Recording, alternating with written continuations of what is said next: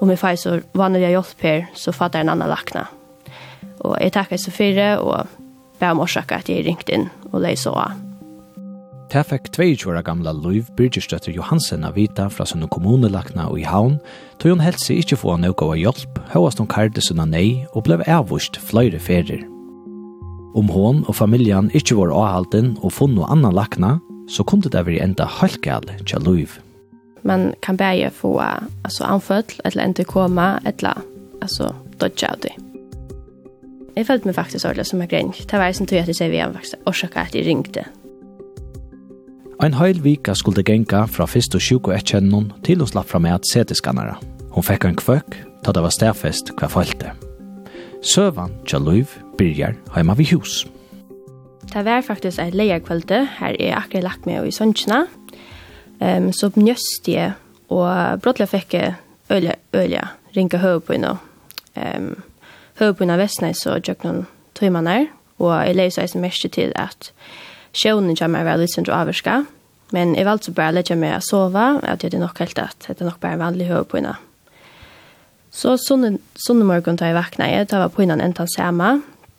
Jeg valgte så ringe faktisk til mamma min og spurte om hun egentlig har opplevd haft denne syntes ned til høyepøyene, det hon satt så rälja. Hon satt så där specifikt där och högre så jag backat någon. Hon säger så nej och jag lät faktiskt bara lät så faktiskt bara färra. Ehm måndagen upplevde så att jag vaknade att höra på en var öliga öliga ring och jag valde så till att ringa till lackna.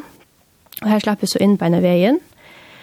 Ehm jag grädde så fra att min agent att jag haft ehm ringa på inn av høyre søya bækhøttene, og at jeg heier kvalma, og sjøvnen var avvarska, og at det ikke var noe vanlig høy på inn som jeg oppleva før. Han, han greit fra at alltid at jeg finnes nytt starv som innepåstør, her er trilla i senker, så har vi nok trilla skarft, til å si akkurat som det er veldig spenning, akkurat som er spenninger i nakka, nakkafesten og oppi høttet, som gjør det til at, at jeg fikk ilt. Han mette så tog at jeg ikke skulle takke på innstillende, og bare skulle fære til fysioterapi og massere eh, nakkafeste og, og, og skattla. Og jeg først så ut etter, og um, jeg fikk så ånkene massere meg da jeg kom hjem, og her fikk jeg altså øl, øl, ilt da jeg ble massere.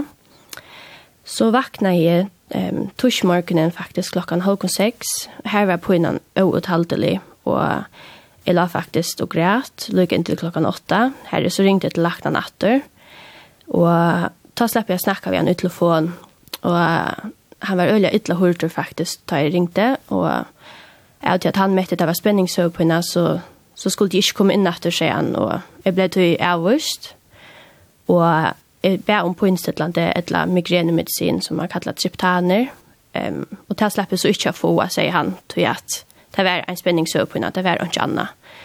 Så jeg ble faktisk nok da, um, ta seg vi igjen at det var alltså ser vanlig hjälp i fick till att jag kallade mina nej och blev faktiskt avvist. Och då säger han bara att vi med att om jag får så vanliga hjälp här så fattar en annan lakna. Och jag tackar så för det och ber om orsaka att jag ringt in och lägger så. Jag um, ring, ringde så faktiskt till systermina och glädde henne från stövne. Och hon ringde så faktiskt att och skett på dagen och säger hon är finche tog till fysioterapi, alltså akut akuta vedtale inn til fysioterapi.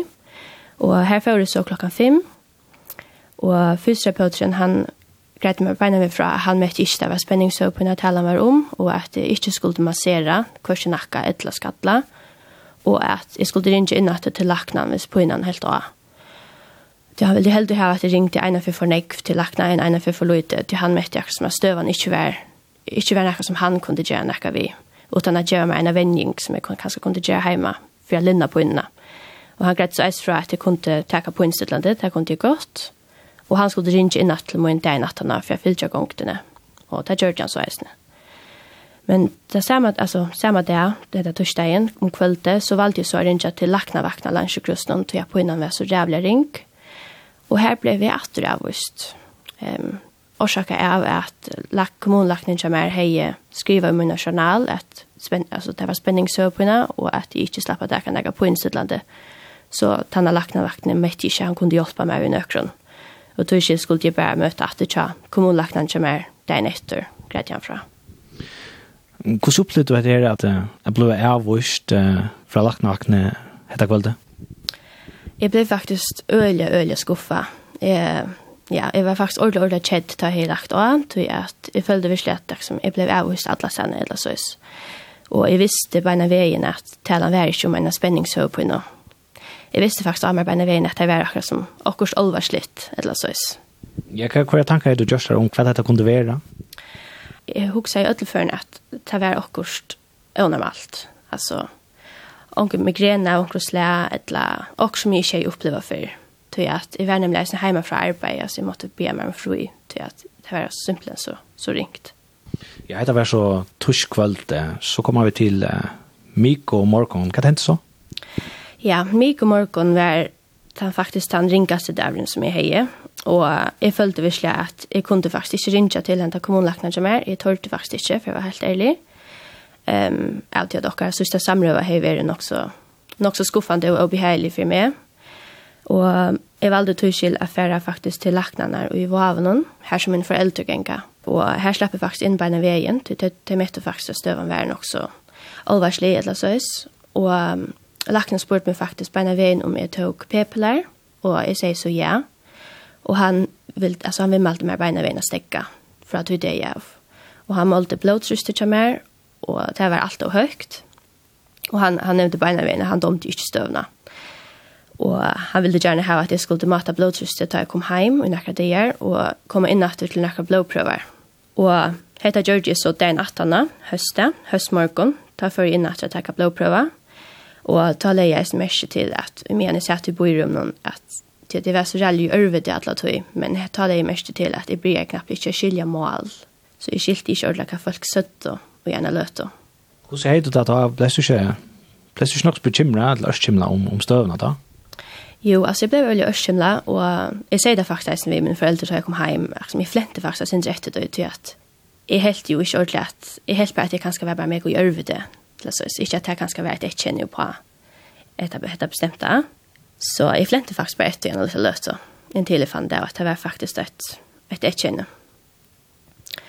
Jag tog sen där blodprövan och för heimater og på jeg etter svær, og ta ble det øye, altså ta ble på innan øye ekvislig om kvalitet ta var jeg akkurat færen til havner. Og så frutja morgon, ta jeg, ta jeg vakna jeg, ta ringte mamma min faktisk og spurte, hun var øye, altså øye bekymret alle tog, og spurte hvordan det gikk, og ta nevnte nemlig fyrir henne at, at på var akkurat den samme, og jeg har måttet blodtryste, og ta var og høyt stadvekk, og jeg fikk ikke, altså, jeg fikk ikke ete, eller, eller nekka. Og i døgnet av det her har vi jo haft et kjenne som kvalma og ringa høy på nå. Men jeg har eisen et øyla blåsprångt og hov i eia, og hetta hona eia kom akka som særlig at han frutja den av vinstra søya. Og hon valgte så å rinja til lakna her vestreator i vavnen, og tar bøy om å komme til lakna vakna klokka fem, tog at han samme lakna som jeg hever tja over, han hei vakt, altså lakna vakna. Så jeg først så om klokka fem, og han eh, tog, altså han hadde blodtrystrammer, og det var stadigvæk alt og høyt, Og han sa nemlig at at eia eisen var avska og tog med han ordentlig støv, var alvarslig, og nu skulle jeg se skannaren. Jeg først så av skjestående, og her, her altså, til Ivas og Sintur, hva det kunne være, til Ivas ganske om det kunne være et som heter klunge hovedpine, og selv om det her eisen er. Så til Ivas og Sintur, men jeg ble så gjerne innløkt av beskjed, og her fikk jeg så altså, triptaner for migrene, for å vite om det her rikket og de prøver å imenske vidtgjøres for å vite hva rikket på poinene, Och så lej alltså lejer det igen. Ta spurte det meg faktiskt om jeg ville släppa hem. Tog jeg at, alltså hvis det var tät att jeg skulle kunna vite hva det var så måste man boja till månad där rockna och det vi. Och jag säger så ja att jeg kunde kanske ta mig för hem att jeg sov nok så illa men det var så att tog bättre gärna se det skanning gammal Arne för hem. Och då ble det staffest att jag hejde en større blodpropp och i venen og i heilan. Og tog jag värst som hon være. Det vill säga att hon nästan, eller man kan säga att jag sa hela vikna heter nog Verbian på en den här blåtappen som de så gärna finner det av. Ja, alltså hon spurt mig först, hon tyckte at hon mätte kanske att det var klunga ihop in, ja, och så skulle vi lycka kanna och se till skannaren för jag vet om näka vär eller inte, och visst det inte var näka så, så blev det staffest att det var diagnosen. Men eh, hon är inte rocknad vid att det var en blodpropper. det, det nämnde hon nämligen själv. Så det var, ja, en ölig kvöckor att få. Ja, hvordan heter det att du fick det här att, att vita. Alltså för vad helt ärligt var det faktiskt nog så lätt att det ändliga var och alltså att det fann det och kvart var som fallte. Ehm um, men sjön det var en ölig kvackor att att man är så onkel man har unga lön och räkna vid att det var det som fallte. Ja, hur vann det mycket var som blåtappren? Ja, som blodproppen, alltså han eitur cerebral venus sinus thrombosis och det är en ölle sköldsamma blåtapper. Ehm men han är allvarlig hvis han inte vill alltså hvis det inte vill tidigt i allvar och man inte finner det och att det är ehm och det som man kan då göra det. Och att ja. Alltså det ger det att alltså på sin blodproppen blockera för att blod inte släpper ur heilan och natter. Så det är ett ökt trust i heilan som ger som som ger man hur på inne och glöms för självstrubbligar utan trustra nerver och förskäll sort. Så alltså han är allvarlig Hva det hent hvis du eisen i handa deg, handa leir deg, nå en av vik og satt vær sendt heim, og den vær sendt skanneren? Det er i rockne alltså det er hei alltså inte enda alvar slutt. um, man kan bare få alltså anfødt, eller enda komma eller alltså dodge out det. Och vad hände så att det så funnet det av at det var alltså en, en blå proper kvar kvar vilket effekt så? Jeg fikk faktisk tidsi en rikmarsprøve som det aller første, det var det øyelig kjøte på, til det vil gjerne kanna om jeg har virus, altså av hele noen, og at han hadde fikk så blodtennende sprøyter, og ble beina avkort i blodtennende vidger, og mener var innløgt. Og hva hendte så da du er finnes her vidgerna? Um, jeg ble så utskrivet, um, og da fikk jeg så blodtennende sprøyter vi heim, som jeg skulle lære meg å sprøyte med vi, og ja, det, det var faktisk det. Ja hur ser det där vi, vi akra tog vi er vidtjørende? Alltså, ja, jag vet att det var inte som man blev släppt på fjäll helt det själv, tog jag att um, Och jag visste ju ordentligt om det här, att det är så självsamt, så jag följde sin tur att jag har alle nekka spårningar och jeg visste ju ordentligt nekvun, Och ja, det var ganska litt skuffande att man inte kanskje fick svär på, på, på, att at spurningar når man fikk. Jeg husker hvis vi, hvis vi spåler sin rett og nå, jeg har det grøtt fra til nesten her forløp noen fra tog jeg to uh, ringer inn til fyrstfer til 18 av vidtjørene. Um, hvis, hvis jeg nå skulle tirsdag fra, fra sjøna min og tja, tja lagt noen, så, så opplever jeg jo noe ofte kanskje kvente at, at folk kommer inn vi ankron som ganske gonger i av seg selv og til dømes sterk høy på innan oss framveis. Um, skilt jo at, at, at, at lagt noen ikke øyne bare kunne ta ødlen og sende ødleskanneren og Ja, jeg skiljer jo vel til, altså det skjønner meg til Jerry Visla, og det er eisen ringt å meta om tja hver en stakkel sykling hva det er som kan være gale. Men jeg halte til eisen at det er veldig viktig at man kan skal ikke nok da folk skal komme inn etter, ta folk rinja inn og faktisk ordentlig greie fra hvordan poinnan er, eller hvordan det heva det. Altså, jeg må møte dem og er noen silen støye eller sås. Ja, hvordan kjentes det viffen fra, fra Laknon, som er skilje och og så, så var det øyla større måneder av kommunlaknon som du hever i och og så eh, hvordan Laknon tok mest møter her, er vestre? Ja, det var øyla større måneder, og altså, jeg ble så rælig, rælig glad at han her vestre tok meg, tok meg i olvara. Um, jeg valgte sveisene til, altså, jeg valgte sveisene til, jeg var en gav at fyrir til, at simpelthen jeg var så rælig rørt av, at han faktisk tok meg i olvara. At det var så rælig skuffa av at han lagt noen i havn, um, det där gör det til at jeg faktisk ikke torde att komma fram i nökron. Och det var som tog jag mamma min tog i vår. Och det är ju så glad, alltså, glad för det. Nei, for hvordan vi hokset om, om andre folk, eisne, akkurat som heter, heter tåsa vi andre folk, om et her, eisne, hvis man hokset om, om vidtjerne fra, fra kommunelagnen, eller til hvordan man vil møtte. Ja, alltså jag tror så vi vill lägga vinkorna till mer och tar alltså tar nämna nämna nämligen det samma och att här följer helt inte vi först att här tecknar ju allvara. Ehm um, Så jeg vet ikke om det er kanskje en, en generell trobelage at unga kvinner ofte ikke vil tekne i olvara, eller at man bare virker som et grenje eller så.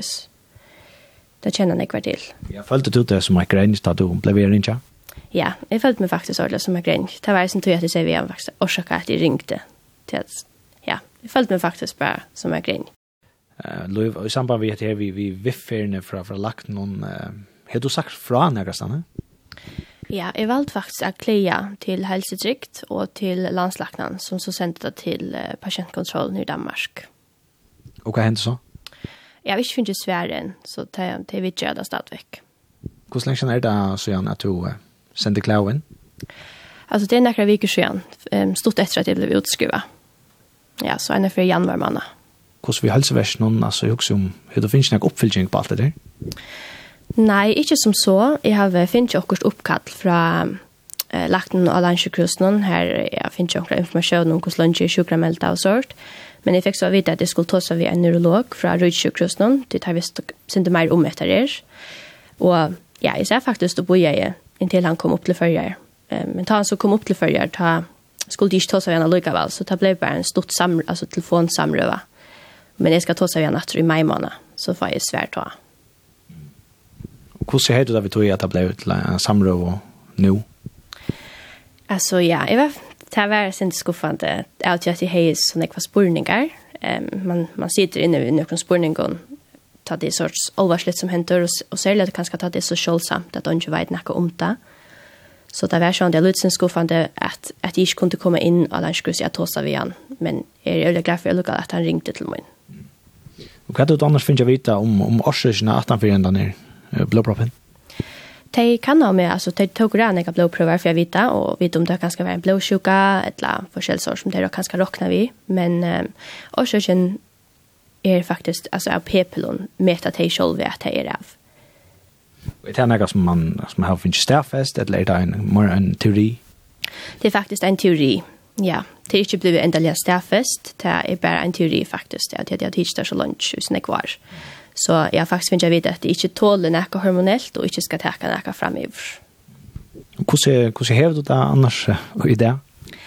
Jeg har det til bedre ordentlig godt. Um, jeg har alltid den der blodtene vi gjør hun gjør øyelig større mån. Uh, jeg har det synder ringt da jeg kom hjem fra hospitalet, om vi, at min sjøen var avvarska og forskjellig sort, men jeg har alltid at jeg har alltid kommer rett lett nå. Så jeg har det til bedre ordentlig godt.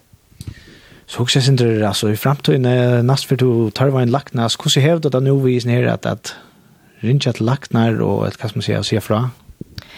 Jag hävdar nog så tar först vi tog i akra i rock vi tar teker en löt och lugga vänja sig upp vid han tanken att är man är man ringer in och man kan ska till vi tidigt ni allvar på den vägen. Så det ska lucka. Det ska lucka kommer att lära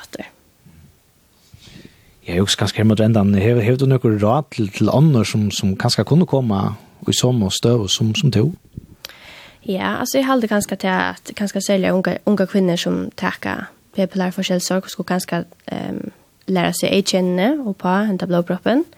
Och ganska sen tar man så ringer in till läkna man är man akkurat som trackar sin på hvis man føler själv det man vet själv bäst alltså om och det gäller är man är man trackar på och och faktiskt ja för att det lackna själv man nog där. Ja, men uh, Løyv Byrgestøtter Johansen, uh, takk for at du ville døyla tunna søv og alt det beste til tunna fram i år. Takk for det.